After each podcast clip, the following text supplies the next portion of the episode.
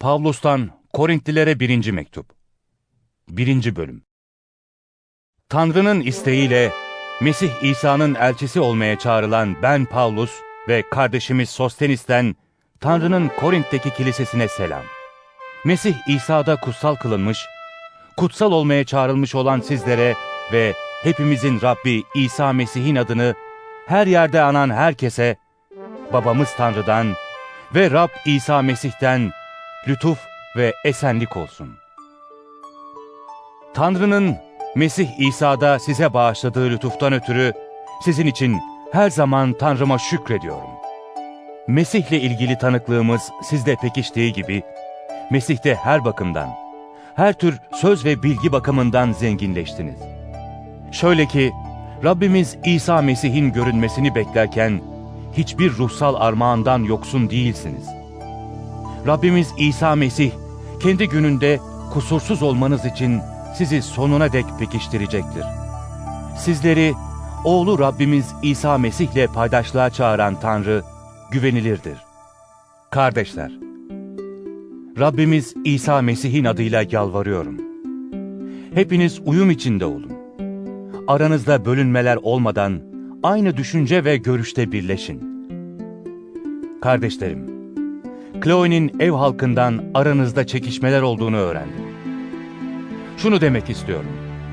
Her biriniz, ben Pavlus yanlısıyım, ben Apollos yanlısıyım, ben Kefas yanlısıyım ya da ben Mesih yanlısıyım diyormuş.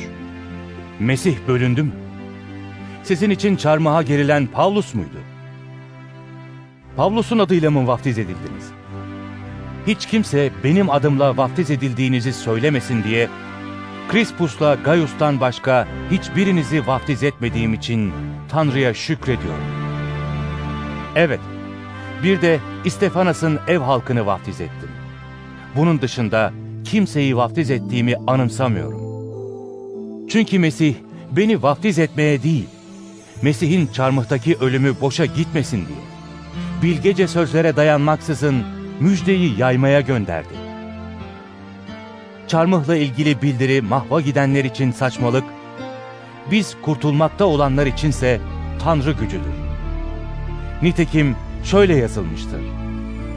Bilgelerin bilgeliğini yok edeceğim. Akıllıların aklını boşa çıkaracağım. Hani nerede bilge kişi? Din bilgini nerede? Nerede bu çağın hünerli tartışmacısı? Tanrı dünya bilgeliğinin saçma olduğunu göstermedi mi? Madem ki dünya Tanrı'nın bilgeliği uyarınca Tanrı'yı kendi bilgeliğiyle tanımadı, Tanrı iman edenleri saçma sayılan bildiriyle kurtarmaya razı oldu. Yahudiler doğaüstü belirtiler ister. Greklerse bilgelik arar. Ama biz çarmıha gerilmiş Mesih'i duyuruyoruz. Yahudiler bunu yüz karası, öteki uluslarda saçmalık sayarlar. Oysa Mesih, çağrılmış olanlar için ister Yahudi ister Grek olsun, Tanrı'nın gücü ve Tanrı'nın bilgeliğidir. Çünkü Tanrı'nın saçmalığı insan bilgeliğinden daha üstün, Tanrı'nın zayıflığı insan gücünden daha güçlüdür. Kardeşlerim, aldığınız çağrıyı düşünün. Birçoğunuz insan ölçülerine göre bilge, güçlü ya da soylu kişiler değildiniz. Ne var ki Tanrı bilgeleri utandırmak için dünyanın saçma saydıklarını, güçlüleri utandırmak için de dünyanın zayıf saydıklarını seçti. Dünyanın önemli gördüklerini hiçe indirmek için dünyanın önemsiz, soysuz, değersiz gördüklerini seçti. Öyle ki Tanrı'nın önünde hiç kimse övünemesin. Ama siz Tanrı sayesinde Mesih İsa'dasınız. O bizim için tanrısal bilgelik, doğruluk, kutsallık ve kurtuluş oldu. Bunun için yazılmış olduğu gibi Övünen Rab'le övünsün. Pavlus'tan Korintlilere birinci mektup. İkinci bölüm. Kardeşler, Tanrı ile ilgili bildiriyi duyurmak için size geldiğimde, söz ustalığıyla ya da üstün bilgelikle gelmedim. Aranızdayken İsa Mesih'ten ve onun çarmıha gerilişinden başka hiçbir şey bilmemeye kararlıydım. Size zayıflık ve korku içinde geldim. Tir tir titriyordum. Sözüm ve bildirim, insan bilgeliğinin ikna edici sözlerine değil, ruhun kanıtlayıcı gücüne dayanıyordu. Öyle ki imanınız insan bilgeliğine değil, Tanrı gücüne dayansın. Gerçi olgun kişiler arasında bilgece sözler söylüyoruz. Ama bu bilgelik ne şimdiki çağın ne de bu çağın gelip geçici önderlerinin bilgeliğidir. Tanrı'nın saklı bilgeliğinden gizemli biçimde söz ediyoruz. Zamanın başlangıcından önce Tanrı'nın bizim yüceliğimiz için belirlediği bu bilgeliği bu çağın önderlerinden hiçbiri anlamadı. Anlasalardı yüce Rabbi çarmıha germezlerdi. Yazılmış olduğu gibi Tanrı'nın kendisini sevenler için hazırladıklarını hiçbir göz görmedi. Hiçbir kulak duymadı. Hiçbir insan yüreği kavramadı. Oysa Tanrı ruh aracılığıyla bunları bize açıkladı. Çünkü ruh her şeyi, Tanrı'nın derin düşüncelerini bile araştırır. İnsanın düşüncelerini, insanın içindeki ruhundan başka kim bilebilir? Bunun gibi Tanrı'nın düşüncelerini de Tanrı'nın ruhundan başkası bilemez. Tanrı'nın bize lütfettiklerini bilelim diye bu dünyanın ruhunu değil, Tanrı'dan gelen ruhu aldık. Ruhsal kişilere ruhsal gerçekleri açıklarken, Tanrı'nın lütfettiklerini insan bilgeliğinin öğrettiği sözlerle değil, ruhun öğrettiği sözlerle bildiririz. Doğal kişi, Tanrı'nın ruhu ile ilgili gerçekleri kabul etmez. Çünkü bunlar ona saçma gelir. Ruhça değerlendirildikleri için bunları anlayamaz. Ruhsal kişi her konuda yargı yürütebilir. Ama kimse onun hakkında yargı yürütemez. Rabbin düşüncesini kim bildi ki ona öğüt verebilsin? Oysa biz Mesih'in düşüncesine sahibiz. Pavlus'tan Korintlilere birinci mektup. Üçüncü bölüm. Kardeşler, ben sizinle ruhsal kişilerle konuşur gibi konuşamadım. Benliğe uyanlarla, Mesih'te henüz bebeklik çağında olanlarla konuşur gibi konuştum. Size süt verdim, katı yiyecek değil. Çünkü katı yiyeceği henüz yiyemiyordunuz. Şimdi bile yiyemezsiniz. Çünkü hala benliğe uyuyorsunuz. Aranızda kıskançlık ve çekişme olması, benliğe uyduğunuzu, öbür insanlar gibi yaşadığınızı göstermiyor mu? Biriniz, ben Pavlus yanlısıyım. Ötekiniz, ben Apollos yanlısıyım diyorsa, öbür insanlardan ne farkınız kalır? Apollos kim? Paulus kim?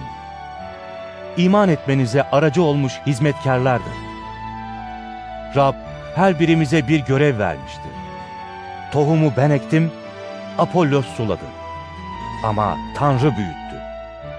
Önemli olan eken ya da sulayan değil, ekileni büyüten Tanrı'dır. Ekenle sulayanın değeri birdir. Her biri kendi emeğinin karşılığını alacaktır. Biz Tanrı'nın emektaşlarıyız. Sizler de Tanrı'nın tarlası, Tanrı'nın binasısınız. Tanrı'nın bana lütfettiği görev uyarınca, bilge bir mimar gibi temel attım, başkaları da bu temel üzerine inşa ediyor. Herkes nasıl inşa ettiğine dikkat etsin. Çünkü hiç kimse atılan temelden, yani İsa Mesih'ten başka bir temel atamaz. Bu temel üzerine kimi altın, gümüş ya da değerli taşlarla, kimi de tahta, ot ya da kamışla inşa edecek. Herkesin yaptığı iş belli olacak. Yargı günü ortaya çıkacak. Herkesin işi ateşle açığa vurulacak. Ateş her işin niteliğini sınayacak. Bir kimsenin inşa ettikleri ateşe dayanırsa, o kimse ödülünü alacak. Yaptıkları yanarsa zarar edecek. Kendisi kurtulacak ama ateşten geçmiş gibi olacaktır. Tanrı'nın tapınağı olduğunuzu, Tanrı'nın ruhunun sizde yaşadığını bilmiyor musunuz? Kim Tanrı'nın tapınağını yıkarsa, Tanrı da onu yıkacak. Çünkü Tanrı'nın tapınağı kutsaldır ve o tapınak sizsiniz. Kimse kendini aldatmasın. Aranızdan biri bu çağın ölçülerine göre kendini bilge sanıyorsa, bilge olmak için akılsız olsun. Çünkü bu dünyanın bilgeliği Tanrı'nın gözünde akılsızlıktır. Yazılmış olduğu gibi O bilgeleri kurnazlıklarında yakalar. yine Rab bilgelerin düşüncelerinin boş olduğunu bilir. diye yazılmıştır. Bu nedenle hiç kimse insanlarla övünmesin. Çünkü her şey sizindir. Pavlus, Apollos, Kefas, dünya, yaşam ve ölüm, şimdiki ve gelecek zaman her şey sizindir. Siz Mesih'insiniz, Mesih de Tanrı'nındır. Pavlus'tan Korintlilere birinci mektup. Dördüncü bölüm. Böylece insanlar bizi Mesih'in hizmetkarları ve Tanrı'nın sırlarının kahyaları saysın. Kahyada aranan başlıca nitelik güvenilir olmasıdır. Sizin tarafınızdan ya da olağan bir mahkeme tarafından yargılanırsam hiç aldırmam. Kendi kendimi de yargılamıyorum. Kendimde bir kusur görmüyorum. Ama bu beni aklamaz. Beni yargılayan Rab'dir. Bu nedenle belirlenen zamandan önce hiçbir şeyi yargılamayın. Rabbin gelişini bekleyin. O, karanlığın gizlediklerini aydınlığa çıkaracak, yüreklerdeki amaçları açığa vuracaktır.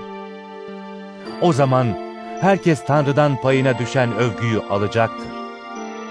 Kardeşler, bizden örnek alarak, yazılmış olanın dışına çıkmayın sözünün anlamını öğrenmeniz için, bu ilkeleri sizin yararınıza, kendime ve Apollos'a uyguladım.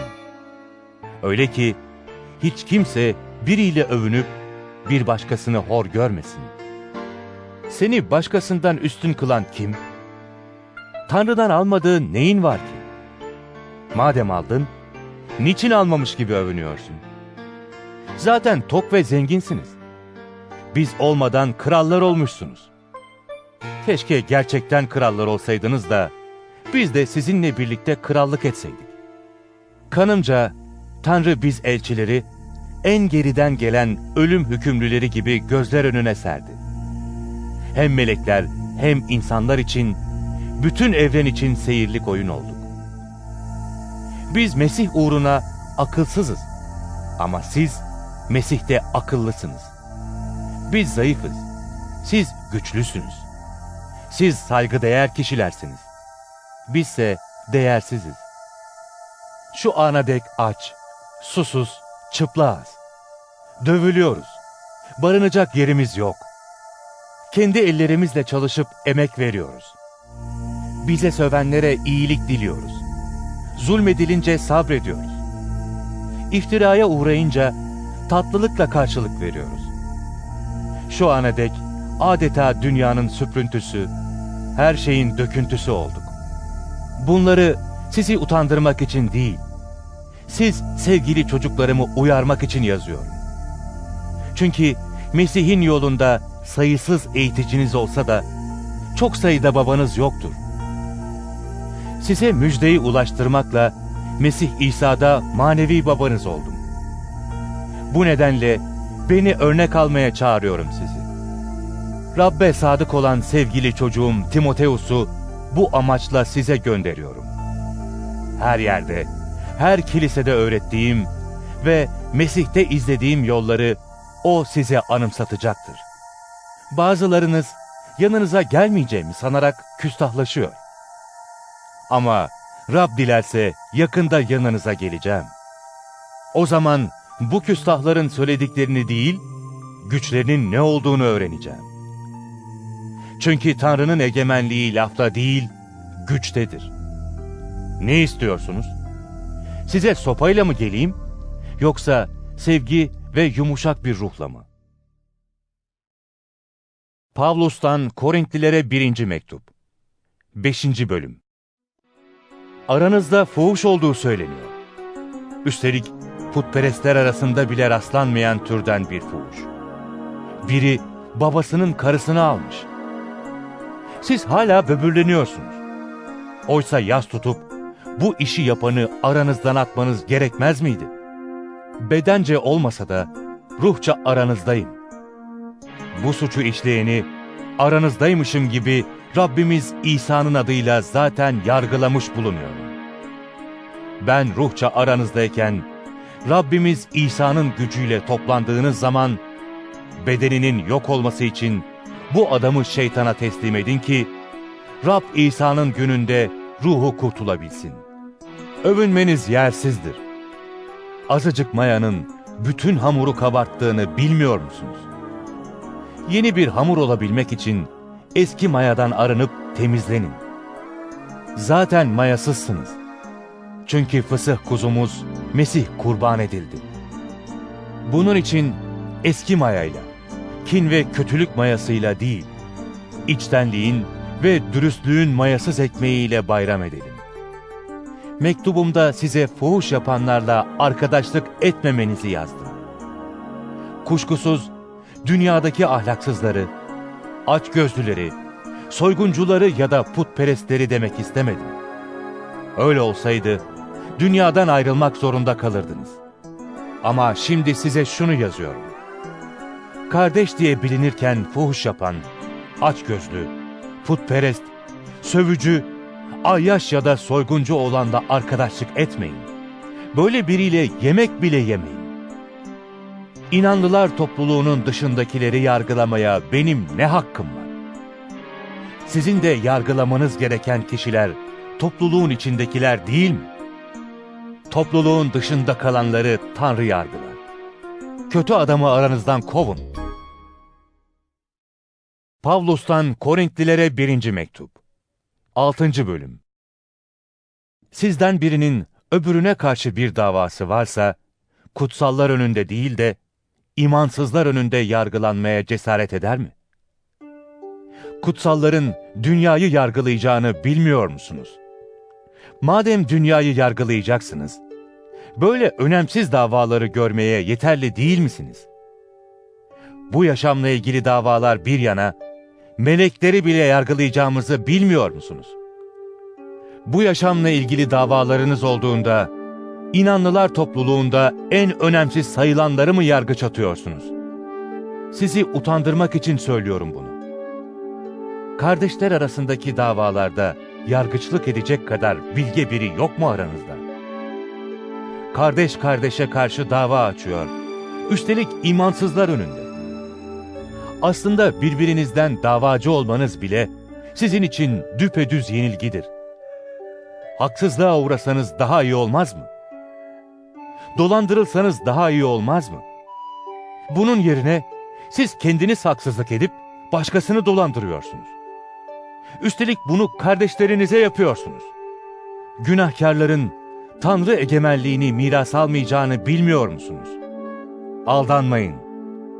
Ne fuhuş yapanlar Tanrı'nın egemenliğini miras alacaktır, ne puta tapanlar, ne zina edenler, ne oğlanlar, ne oğlancılar, ne hırsızlar, ne açgözlüler, ne ayyaşlar, ne sövücüler, ne de soyguncular. Bazılarınız böyleydiniz ama yıkandınız, kutsal kılındınız. Rab İsa Mesih adıyla ve Tanrımızın ruhu aracılığıyla aklandınız. Bana her şey serbest diyorsunuz. Ama her şey yararlı değildir. Bana her şey serbest diyorsunuz.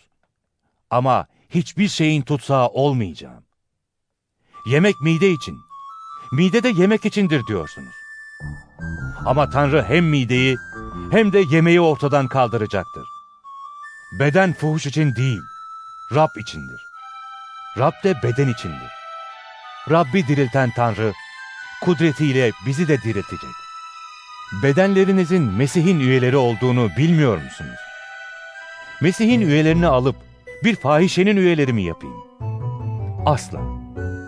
Yoksa fahişeyle birleşenin onunla tek beden olduğunu bilmiyor musunuz? Çünkü ikisi tek beden olacak deniyor. Rab'le birleşen kişi ise onunla tek ruh olur. Fuhuştan kaçının. İnsanın işlediği bütün öbür günahlar bedenin dışındadır. Ama fuhuş yapan kendi bedenine karşı günah işler. Bedeninizin Tanrı'dan aldığınız ve içinizdeki kutsal ruhun tapınağı olduğunu bilmiyor musunuz? Kendinize ait değilsiniz. Bir bedel karşılığı satın alındınız. Onun için Tanrı'yı bedeninizde yüceltin. Pavlus'tan Korintlilere 1. Mektup 7. Bölüm Şimdi bana yazdığınız konulara gelelim. Erkeğin kadına dokunmaması iyidir diyorsunuz. Ama fuhuştan ötürü her erkek karısıyla, her kadın da kocasıyla yaşasın. Erkek karısına, kadın da kocasına hakkını versin. Kadının bedeni kendisine değil, kocasına aittir. Bunun gibi erkeğin bedeni de kendisine değil, karısına aittir. Geçici bir süre için anlaşıp kendinizi doğaya vermekten başka bir nedenle birbirinizi mahrum etmeyin. Sonra yine birleşin ki kendinizi denetleyemediğiniz için şeytan sizi ayartmasın. Bunu bir buyruk olarak değil, bir uzlaşma yolu olarak söylüyorum. Herkesin benim gibi olmasını dilerdim. Ama herkesin Tanrı'dan aldığı ruhsal bir armağanı vardır. Kiminin şöyle, kiminin böyle. Yine de evli olmayanlarla dul kadınlara şunu söyleyeyim. Benim gibi kalsalar kendileri için iyi olur. Ama kendilerini denetleyemiyorlarsa evlensinler. Çünkü için için yanmaktansa evlenmek daha iyidir. Evlilere ise şunu buyuruyorum. Daha doğrusu Rab buyuruyor. Kadın kocasından ayrılmasın. Ayrılırsa evlenmesin. Ya da kocasıyla barışsın. Erkek de karısını boşamasın. Geri kalanlara Rab değil, ben söylüyorum. Eğer bir kardeşin karısı iman etmemişse ama kendisiyle yaşamaya razıysa onu boşamasın. Bir kadının kocası iman etmemişse ama kendisiyle yaşamaya razıysa kadın onu boşamasın. Çünkü iman etmemiş koca karısı aracılığıyla, iman etmemiş kadın da imanlı kocası aracılığıyla kutsanır. Yoksa çocuklarınız murdar olurdu. Ama şimdi kutsaldırlar.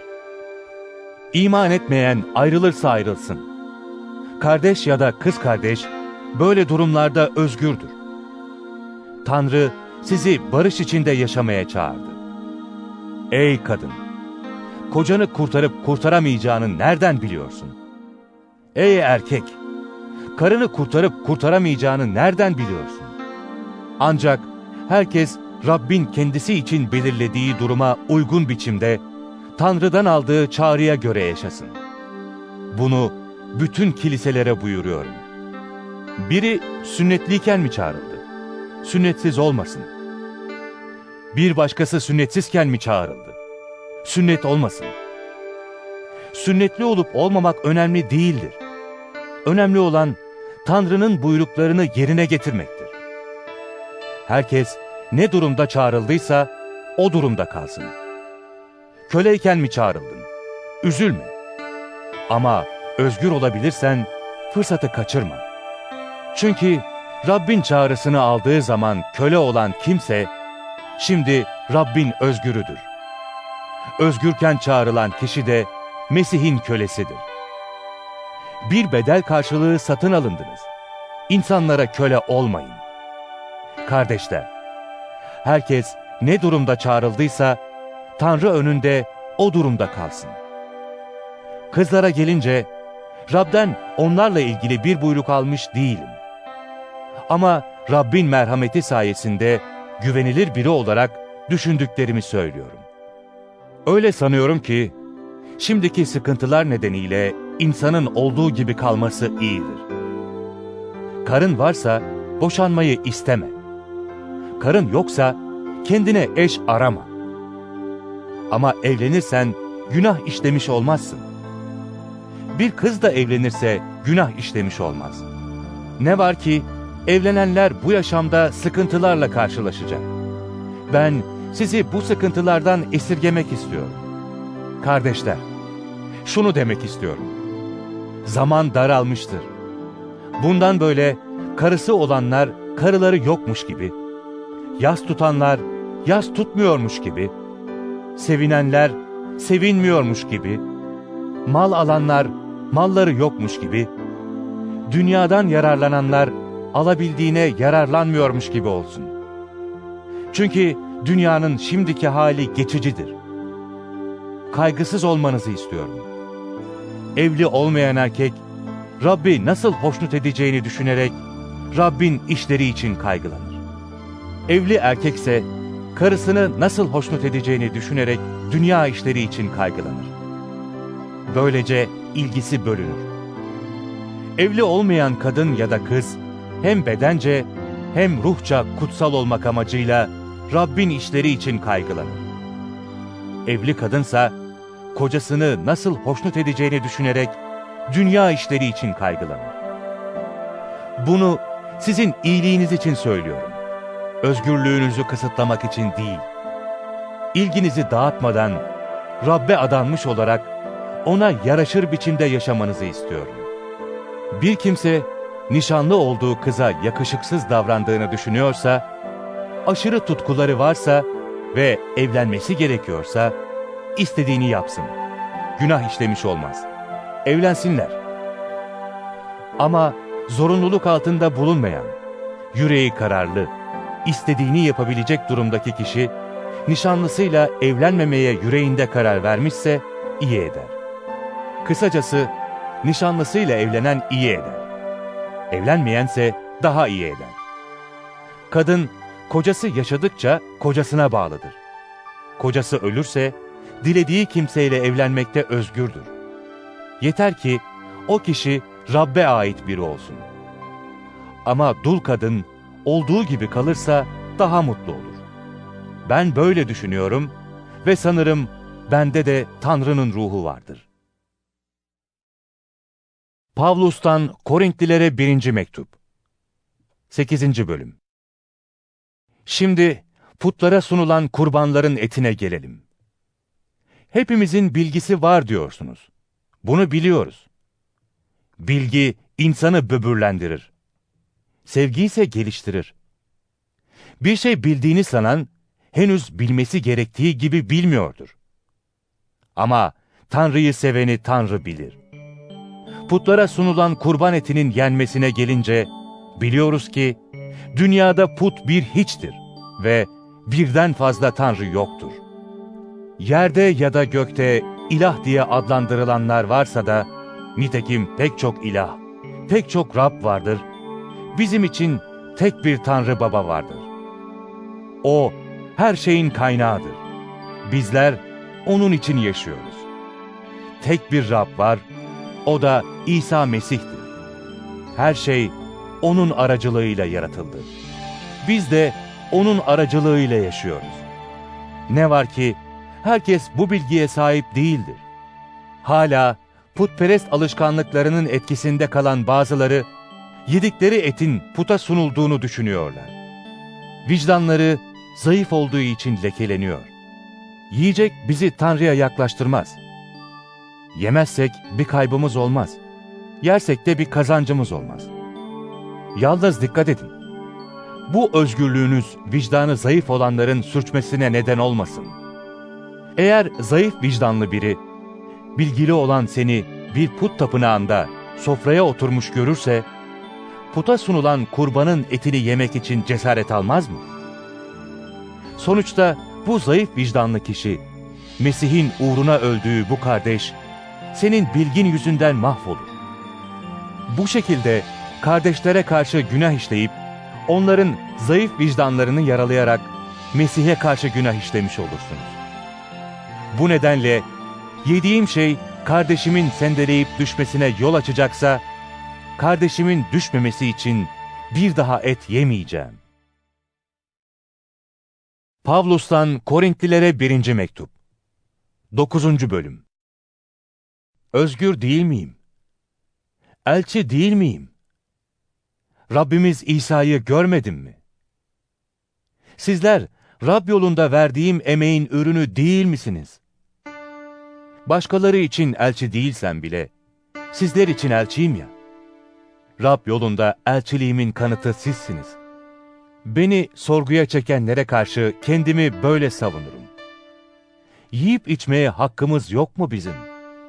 Öbür elçiler gibi, Rabbin kardeşleri ve Kefas gibi, yanımızda imanlı bir eş gezdirmeye hakkımız yok mu? Geçimi için çalışması gereken yalnız Barnaba ile ben miyim? Kim kendi parasıyla askerlik yapar? Kim bağ diker de ürününü yemez? Kim sürüyü güder de sütünden içmez? İnsansal açıdan mı söylüyorum bunları? Kutsal yasada aynı şeyleri söylemiyor mu? Musa'nın yasasında Harman döven öküzün ağzını bağlamayacaksın. diye yazılmıştır. Tanrı'nın kaygısı öküzler mi? Yoksa bunu özellikle bizim için mi söylüyor? Kuşkusuz bizim için yazılmıştır bu. Çünkü çift sürenin umutla sürmesi, harman dövenin de harmana ortak olma umuduyla dövmesi gerekir. Aranıza ruhsal tohumlar ektiysek, sizden maddesel bir harman biçmemiz çok mu? Başkalarının sizden yardım almaya hakları varsa, bizim daha çok hakkımız yok mu? Ama biz bu hakkımızı kullanmadık. Mesih müjdesinin yayılmasına engel olmayalım diye her şeye katlanıyoruz. Tapınakta çalışanların tapınaktan beslendiklerini, sunakta görevli olanların da sunakta adanan adaklardan pay aldıklarını bilmiyor musunuz? Bunun gibi Rab müjdeyi yayanların da geçimlerini müjdeden sağlamasını buyurdu. Ama ben bu haklardan hiçbirini kullanmış değilim. Bunlar bana sağlansın diye de yazmıyorum. Bunu yapmaktansa ölmeyi yeğlerim. Kimse beni bu övünçten yoksun bırakmayacaktır. Müjdeyi yayıyorum diye övünmeye hakkım yok. Çünkü bunu yapmakla yükümlüyüm. Müjdeyi yaymazsam vay halime. Eğer müjdeyi gönülden yayarsam ödülüm olur. Gönülsüzce yayarsam yalnızca bana emanet edilen görevi yapmış olurum. Peki ödülüm nedir? Müjdeyi karşılıksız yaymak ve böylece müjdeyi yaymaktan doğan hakkımı kullanmamaktır. Ben özgürüm. Kimsenin kölesi değilim. Ama daha çok kişi kazanayım diye herkesin kölesi oldum. Yahudileri kazanmak için Yahudilere Yahudi gibi davrandım. Kendim kutsal yasanın denetimi altında olmadığım halde yasa altında olanları kazanmak için onlara yasa altındaymışım gibi davrandım. Tanrı'nın yasasına sahip olmayan biri değilim. Mesih'in yasası altındayım. Buna karşın yasaya sahip olmayanları kazanmak için yasaya sahip değilmişim gibi davrandım. Güçsüzleri kazanmak için onlarla güçsüz oldum. Ne yapıp yapıp bazılarını kurtarmak için herkesle her şey oldum. Bunların hepsini müjdede payım olsun diye, müjde uğruna yapıyorum. Koşu alanında yarışanların hepsi koştuğu halde ödülü bir kişinin kazandığını bilmiyor musunuz? Öyle koşun ki ödülü kazanasınız. Yarışa katılan herkes kendini her yönden denetler. Böyleleri bunu çürüyüp gidecek bir defne tacı kazanmak için yaparlar. Bizse hiç çürümeyecek bir taç için yapıyoruz. Bunun içindir ki amaçsızca koşan biri gibi koşmuyorum. Yumruğumu havayı döver gibi boşa atmıyorum. Müjdeyi başkalarına duyurduktan sonra kendim reddedilmemek için bedenime eziyet çektirip onu köle ediyorum. Pavlus'tan Korintlilere 1. Mektup 10. Bölüm Kardeşler, atalarımızın hepsinin bulut altında korunduğunu ve hepsinin denizden geçtiğini bilmenizi istiyorum. Musa'ya bağlanmak üzere hepsi bulutta ve denizde vaftiz edildi. Hepsi aynı ruhsal yiyeceği yedi. hepsi aynı ruhsal içeceği içti. Artlarından gelen ruhsal kayadan içtiler. O kaya Mesih'ti. Ne var ki Tanrı onların çoğundan hoşnut değildi. Nitekim cesetleri çöle serildi. Bu olaylar onlar gibi kötü şeylere özlem duymamamız için bize ders olsun diye oldu. Onlardan bazıları gibi puta tapanlar olmayın. Nitekim şöyle yazılmıştır. Halk yiyip içmeye oturdu. Sonra kalkıp çılgınca eğlendi. Onlardan bazıları gibi fuhuş yapmayalım. Fuhuş yapanların 23 bini bir günde yok oldu. Yine bazıları gibi Rabbi denemeyelim. Böyle yapanları yılanlar öldürdü. Kimileri gibi de söylenip durmayın. Söylenenleri ölüm meleği öldürdü. Bu olaylar başkalarına ders olsun diye onların başına geldi. Çağların sonuna ulaşmış olan bizleri uyarmak için yazıya geçirildi. Onun için ayakta sağlam durduğunu sanan dikkat etsin, düşmesin. Herkesin karşılaştığı denemelerden başka denemelerle karşılaşmadınız. Tanrı güvenilirdir. Gücünüzü aşan biçimde denenmenize izin vermez. Dayanabilmeniz için denemeyle birlikte çıkış yolunu da sağlayacaktır. Bu nedenle sevgili kardeşlerim, putperestlikten kaçının. Aklı başında insanlarla konuşur gibi konuşuyorum. Söylediklerimi kendiniz tartın. Tanrı'ya şükrettiğimiz şükran kasesiyle Mesih'in kanına paydaş olmuyor muyuz? Bölüp yediğimiz ekmekle Mesih'in bedenine paydaş olmuyor muyuz? Ekmek bir olduğu gibi biz de çok olduğumuz halde bir bedeniz. Çünkü hepimiz bir ekmeği paylaşıyoruz. İsrail halkına bakın. Kurban etini yiyenler sunağa paydaş değil midir? Öyleyse ne demek istiyorum?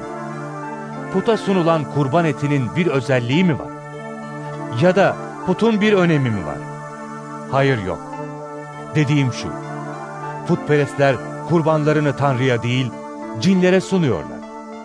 Cinlerle paydaş olmanızı istemem. Hem Rabbin hem cinlerin kasesinden içemezsiniz.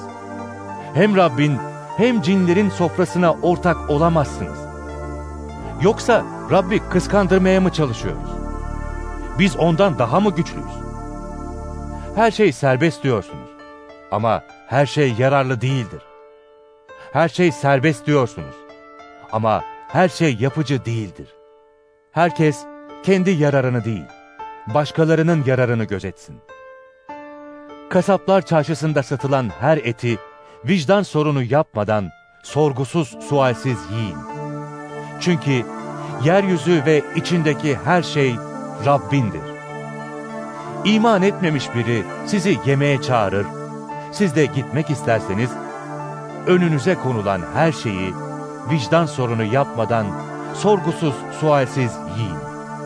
Ama biri size bu kurban etidir derse hem bunu söyleyen için hem de vicdan huzuru için yemeyin. Senin değil, öbür adamın vicdan huzuru için demek istiyorum. Benim özgürlüğümü neden başkasının vicdanı yargılasın? Şükrederek yemeğe katılırsam, şükrettiğim yiyecekten ötürü neden kınanayım? Sonuç olarak ne yer ne içerseniz, ne yaparsanız, her şeyi Tanrı'nın yüceliği için yapın. Yahudilerin, Greklerin ya da Tanrı topluluğunun tökezleyip düşmesine neden olmayın. Ben de kendi yararımı değil, kurtulsunlar diye birçoklarının yararını gözeterek herkesi her yönden hoşnut etmeye çalışıyorum.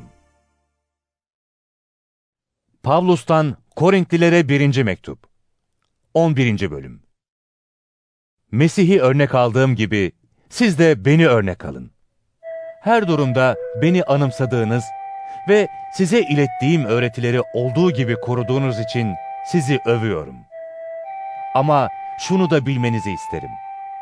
Her erkeğin başı Mesih, kadının başı erkek, Mesih'in başı da Tanrı'dır. Başına bir şey takıp dua ya da peygamberlik eden her erkek, başını küçük düşürür. Ama başı açık dua ya da peygamberlik eden her kadın başını küçük düşürür. Böylesinin başı tıraş edilmiş bir kadından farkı yoktur. Kadın başını açarsa saçını kestirsin. Ama kadının saçını kestirmesi ya da tıraş etmesi ayıpsa başını örtsün. Erkek başını örtmemeli. O, Tanrı'nın benzeri ve yüceliğidir. Kadın da erkeğin yüceliğidir. Çünkü erkek kadından değil, kadın erkekten yaratıldı. Erkek kadın için değil, kadın erkek için yaratıldı. Bu nedenle ve melekler uğruna kadının başı üzerinde yetkisi olmalıdır. Ne var ki Rab'de ne kadın erkekten ne de erkek kadından bağımsızdır. Çünkü kadın erkekten yaratıldığı gibi erkek de kadından doğar. Ama her şey Tanrı'dandır. Siz kendiniz karar verin. Kadının açık başta Tanrı'ya dua etmesi uygun mu? Doğanın kendisi bile size erkeğin uzun saçlı olmasının kendisini küçük düşürdüğünü, kadının uzun saçlı olmasının ise kendisini yücelttiğini öğretmiyor mu? Çünkü saç kadına örtü olarak verilmiştir. Bu konuda çekişmek isteyen varsa şunu bilsin ki, bizim ya da Tanrı'nın kiliselerinin böyle bir alışkanlığı yoktur. Toplantılarınız yarardan çok zarar getirdiği için aşağıdaki uyarıları yaparken sizi övemem. Birincisi, toplulukça bir araya geldiğinizde aranızda ayrılıklar olduğunu duyuyorum. Buna biraz da inanıyorum. Çünkü Tanrı'nın beğenisini kazananların belli olması için aranızda bölünmeler olması gerekiyor. Toplandığınızda Rabbin sofrasına katılmak için toplanmıyorsunuz. Her biriniz ötekini beklemeden kendi yemeğini yiyor. Kimi aç kalıyor, kimi sarhoş oluyor. Yiyip içmek için evleriniz yok mu? Tanrı'nın topluluğunu hor mu görüyorsunuz? Yiyeceği olmayanları utandırmak mı istiyorsunuz? Size ne diyeyim? Sizi öveyim mi? Bu konuda övemem. Size ilettiğimi ben Rab'den öğrendim. Ele verildiği gece Rab İsa eline ekmek aldı, şükredip ekmeği böldü ve şöyle dedi. Bu sizin uğrunuza feda edilen bedenimdir. Beni anmak için böyle yapın. Aynı biçimde yemekten sonra kaseyi alıp şöyle dedi. Bu kase kanımla gerçekleşen yeni antlaşmadır. Her içtiğinizde beni anmak için böyle yapın. Bu ekmeği her yediğinizde ve bu kaseden her içtiğinizde Rabbin gelişine dek Rabbin ölümünü ilan etmiş olursunuz. Bu nedenle kim uygun olmayan biçimde ekmeği yer ya da Rabbin kasesinden içerse, Rabbin bedenine ve kanına karşı suç işlemiş olur. Kişi önce kendini sınasın, sonra ekmekten yiyip kaseden içsin. Çünkü bedeni fark etmeden yiyip içen, böyle yiyip içmekle kendi kendini mahkum eder. İşte bu yüzden birçoğunuz zayıf ve hastadır. Bazılarınız da ölmüştür. Kendimizi doğrulukla yargılasaydık, yargılanmazdık. Dünya ile birlikte mahkum olmayalım diye Rab bizi yargılayıp terbiye ediyor. Öyleyse kardeşlerim, yemek için bir araya geldiğinizde birbirinizi bekleyin. Aç olan karnını evde doyursun. Öyle ki toplanmanız yargılanmanıza yol açmasın. Öbür sorunları ise geldiğimde çözerim. Pavlus'tan Korintlilere 1. Mektup 12. Bölüm Ruhsal armağanlara gelince, kardeşlerim, bu konuda bilgisiz kalmanızı istemem. Biliyorsunuz, putperestken şöyle ya da böyle saptırılıp dilsiz putlara tapmaya yöneltilmiştiniz. Bunun için bilmenizi isterim ki, Tanrı'nın ruhu aracılığıyla konuşan hiç kimse, İsa'ya lanet olsun demez. Kutsal ruhun aracılığı olmaksızın da kimse İsa Rab'dir diyemez. Çeşitli ruhsal armağanlar vardır. Ama ruh birdir. Çeşitli görevler vardır. Ama Rab birdir. Çeşitli etkinlikler vardır. Ama herkeste hepsini etkin kılan aynı Tanrı'dır. Herkesin ortak yararı için herkese ruhu belli eden bir yetenek veriliyor. Ruh aracılığıyla birine bilgece konuşma yeteneği, ötekine aynı ruhtan bilgi iletme yeteneği, birine aynı ruh aracılığıyla iman, ötekine aynı ruh aracılığıyla hastaları iyileştirme armağanları, birine mucize yapma olanakları, birine peygamberlikte bulunma, birine ruhları ayırt etme, birine çeşitli dillerde konuşma, bir başkasına da bu dilleri çevirme armağanı veriliyor. Bunların tümünü etkin kılan tek ve aynı ruhtur. Ruh, bunları herkese dilediği gibi ayrı ayrı dağıtır. Beden bir olmakla birlikte birçok üyeden oluşur ve çok sayıdaki bu üyelerin hepsi tek bir beden oluşturur. Mesih de böyledir. İster Yahudi, ister Grek, ister köle, ister özgür olalım, hepimiz bir beden olmak üzere aynı ruhta vaftiz edildik ve hepimizin aynı ruhtan içmesi sağlandı. İşte beden tek üyeden değil, birçok üyeden oluşur. Ayak, el olmadığım için bedene ait değilim derse, bu onu bedenden ayırmaz. Kulak, göz olmadığım için bedene ait değilim derse, bu onu bedenden ayırmaz. Bütün beden göz olsaydı nasıl duyardık? Bütün beden kulak olsaydı nasıl koklardık? Gerçek şu ki, Tanrı bedenin her üyesini dilediği biçimde bedene yerleştirmiştir. Eğer hepsi bir tek üye olsaydı beden olur muydu? Gerçek şu ki, çok sayıda üye ama tek beden vardır.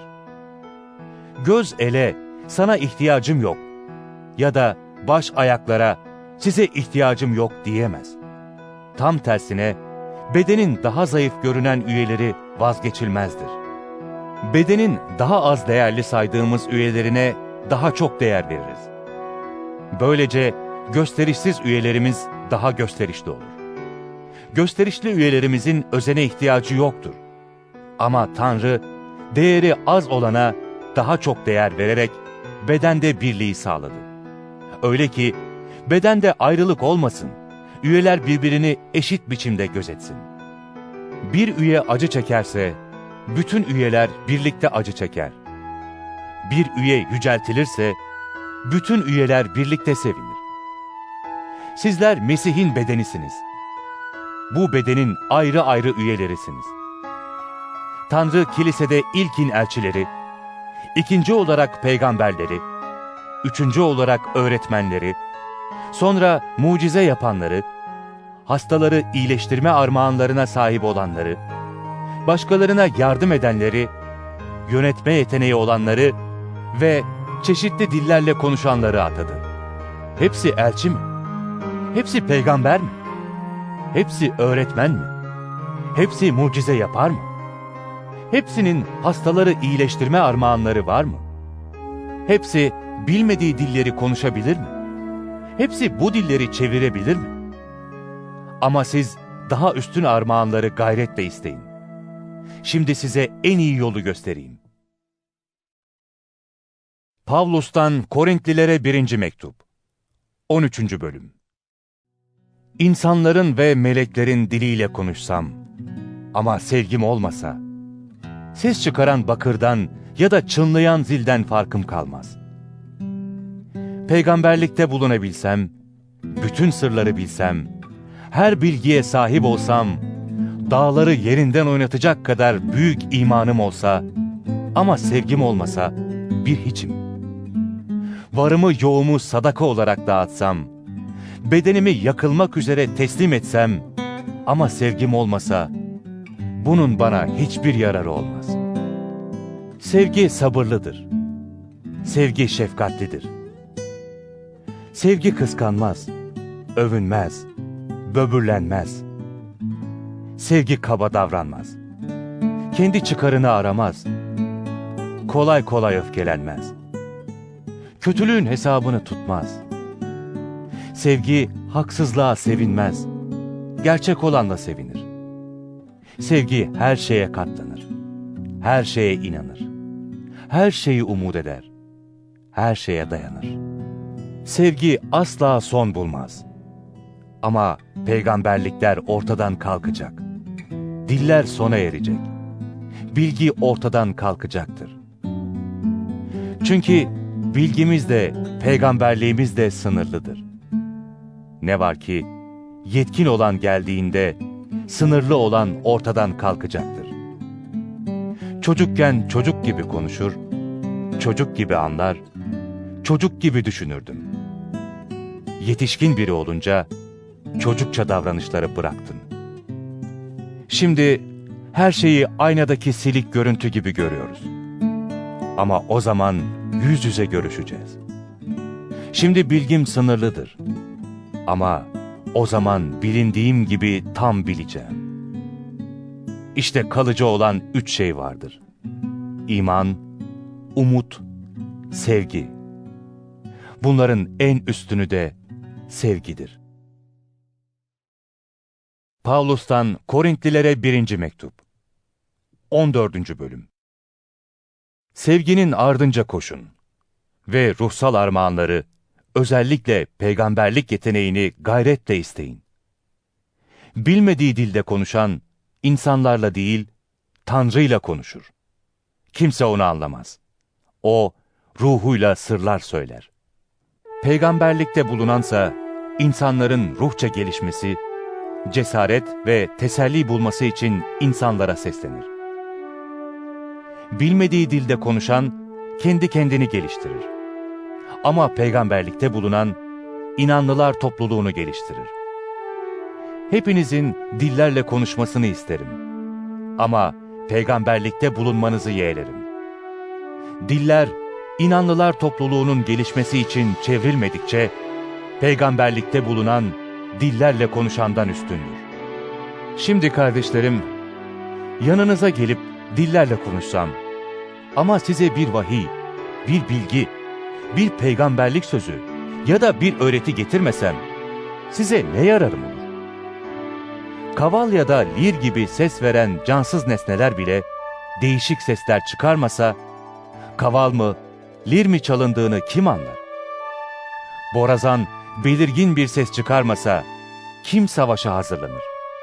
Bunun gibi siz de anlaşılır bir dil konuşmazsanız söyledikleriniz nasıl anlaşılır? Havaya konuşmuş olursunuz. Kuşkusuz dünyada çeşit çeşit diller vardır.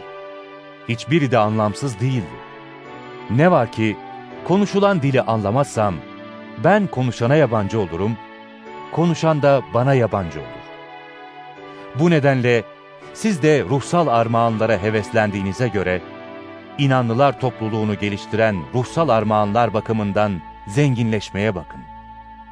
Bunun için bilmediği dili konuşan, kendi söylediklerini çevirebilmek için dua etsin. Bilmediğim dille dua edersem ruhum dua eder. Ama zihnimin buna katkısı olmaz. Öyleyse ne yapmalıyım? Ruhumla da zihnimle de dua edeceğim. Ruhumla da, zihnimle de ilahi söyleyeceğim. Tanrı'yı yalnız ruhunla översen, yeni katılanlar senin ne söylediğini bilmediğinden, ettiğin şükran duasına nasıl amin desin? Uygun biçimde şükrediyor olabilirsin. Ama bu başkasını geliştirmez. Dillerle hepinizden çok konuştuğum için Tanrı'ya şükrediyorum. Ama inanlılar topluluğunda dillerle on bin söz söylemektense, başkalarını eğitmek için zihnimden beş söz söylemeyi yeğlerim. Kardeşler, çocuk gibi düşünmeyin. Kötülük konusunda çocuklar gibi ama düşünmekte yetişkinler gibi olun. Kutsal yasada şöyle yazılmıştır. Rab, yabancı diller konuşanların aracılığıyla, yabancıların dudaklarıyla bu halka sesleneceğim. Yine de beni dinlemeyecekler diyor. Görülüyor ki bilinmeyen diller imanlılar için değil, imansızlar için bir belirtidir. Peygamberlikse imansızlar için değil, imanlılar için bir belirtidir. Şimdi bütün inanlılar topluluğu bir araya gelip hep birlikte bilmedikleri dillerle konuşurlarken yeni katılanlar ya da iman etmeyenler içeri girerse siz çıldırmışsınız demezler mi? Ama herkes peygamberlikte bulunurken iman etmeyen ya da yeni katılan biri içeri girerse söylenen her sözle günahlı olduğuna ikna edilecek, her sözle yargılanacak.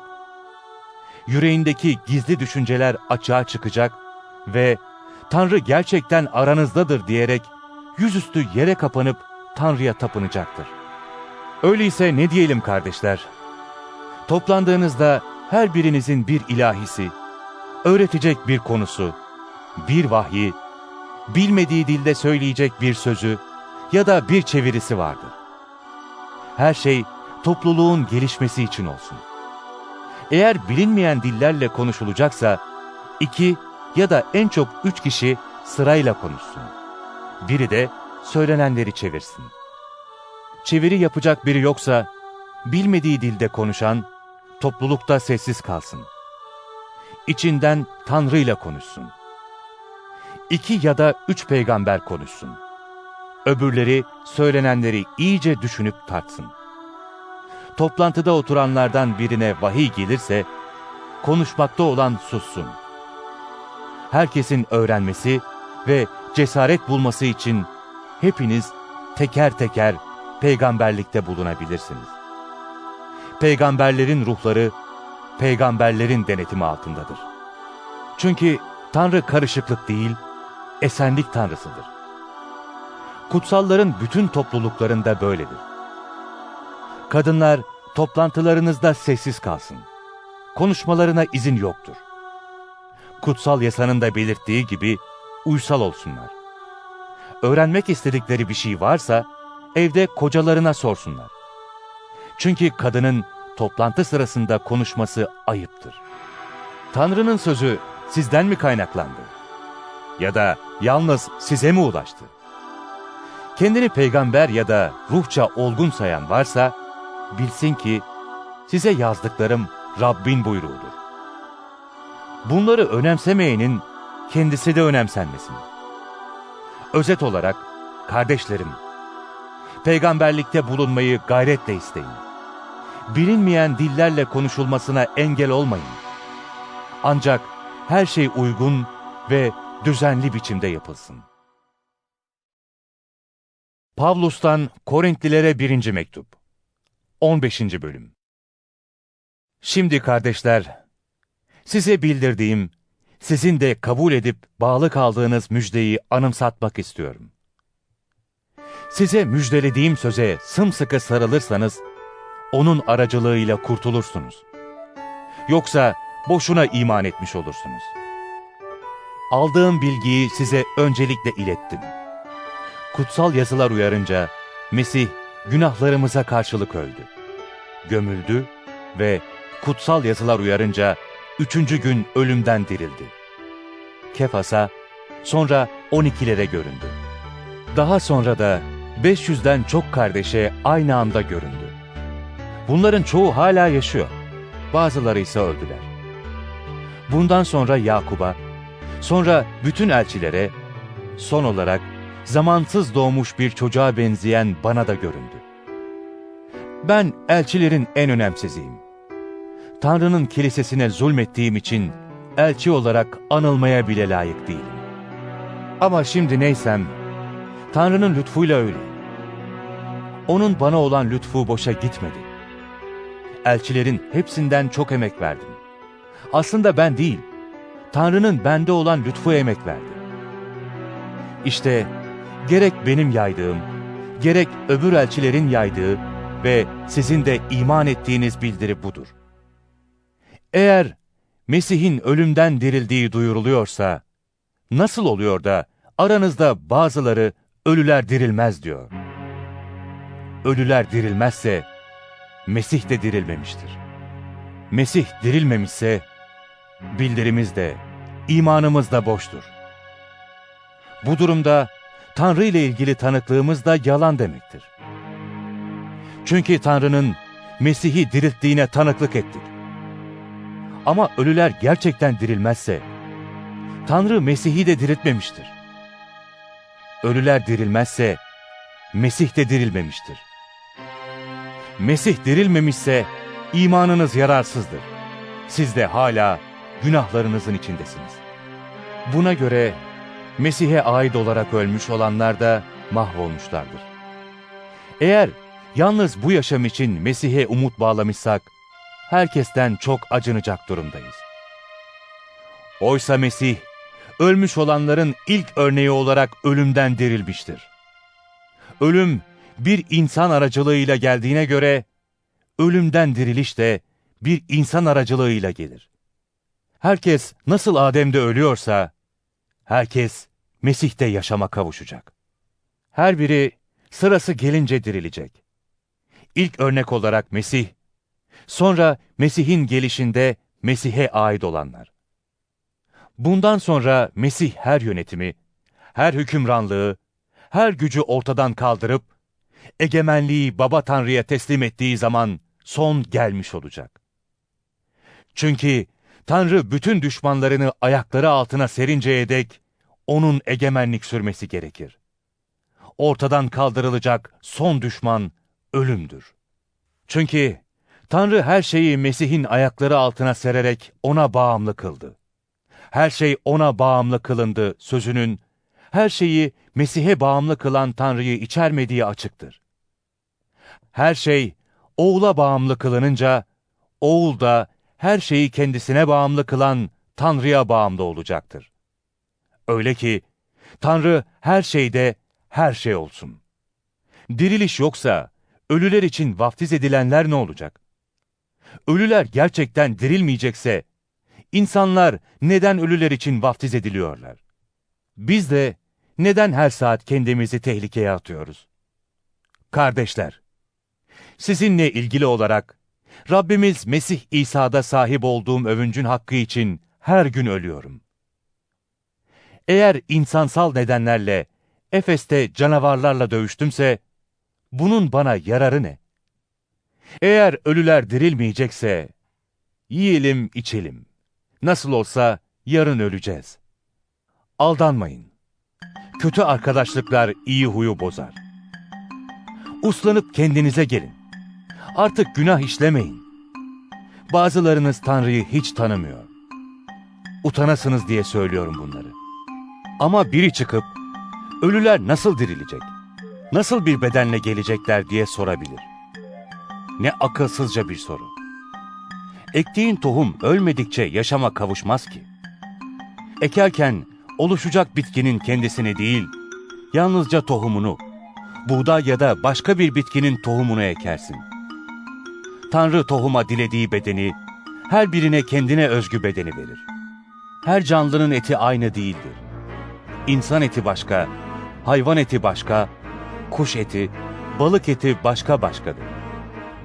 Göksel bedenler vardır, dünyasal bedenler vardır. Göksel olanların görkemi başka, dünyasal olanlarınki başkadır.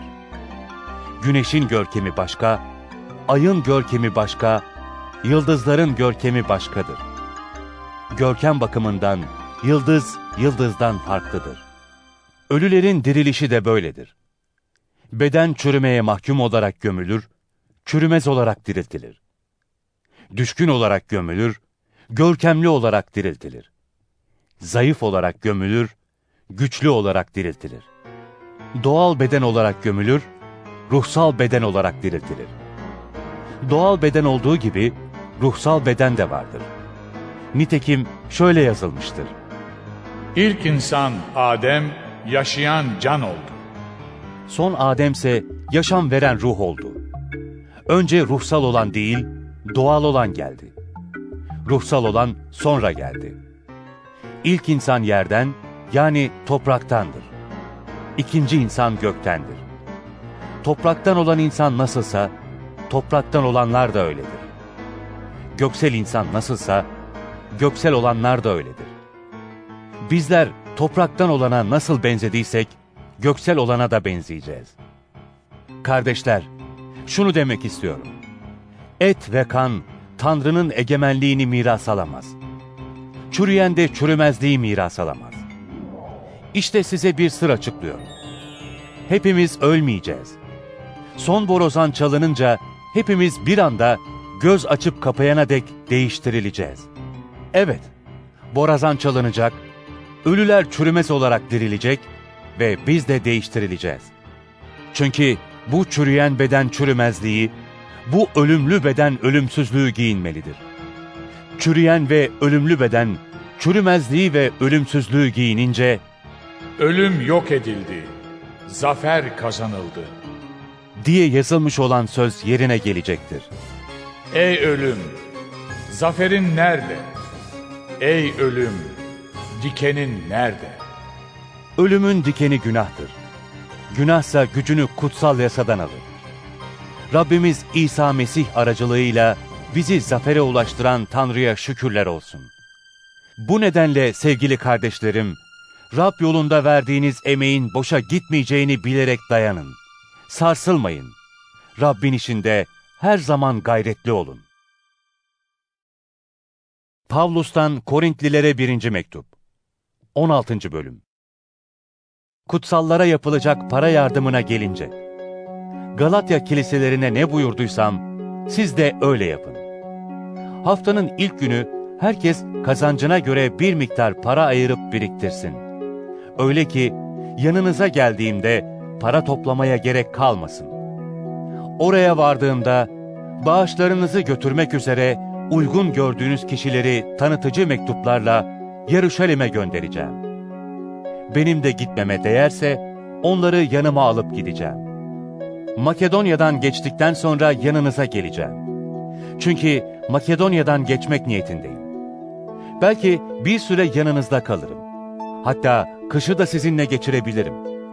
Öyle ki sonra nereye gidecek olsam bana yardım edebilesiniz. Sizi öyle kısaca görüp geçmek istemiyorum. Rabbin izniyle uzunca bir süre yanınızda kalmayı umut ediyorum. Ama Pentekost gününe dek Efes'te kalacağım. Çünkü büyük ve etkili işler yapmam için burada bana bir kapı açıldı. Ne var ki bana karşı çıkanlar çoktur. Timoteos yanınıza gelirse bir şeyden korkmamasına dikkat edin. Çünkü o da benim gibi Rabbin işini yapıyor. Kimse onu hor görmesin.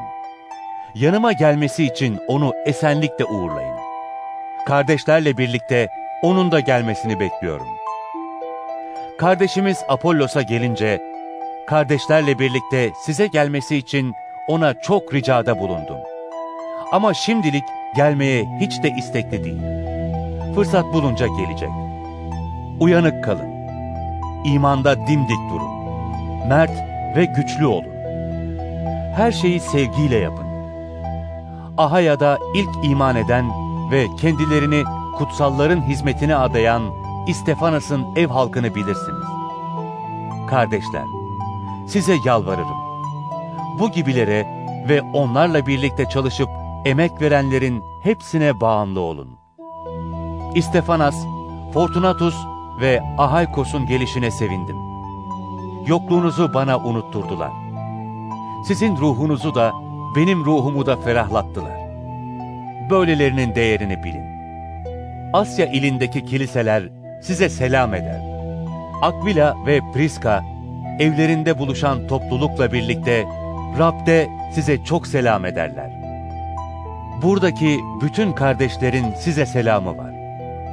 Birbirinizi kutsal öpüşle selamlayın. Ben Pavlus, bu selamı kendi elimle yazıyorum. Rabbi sevmeyene lanet olsun. Maranata. Rab İsa'nın lütfu sizinle birlikte olsun. Hepinize Mesih İsa'da sevgiler. Amin.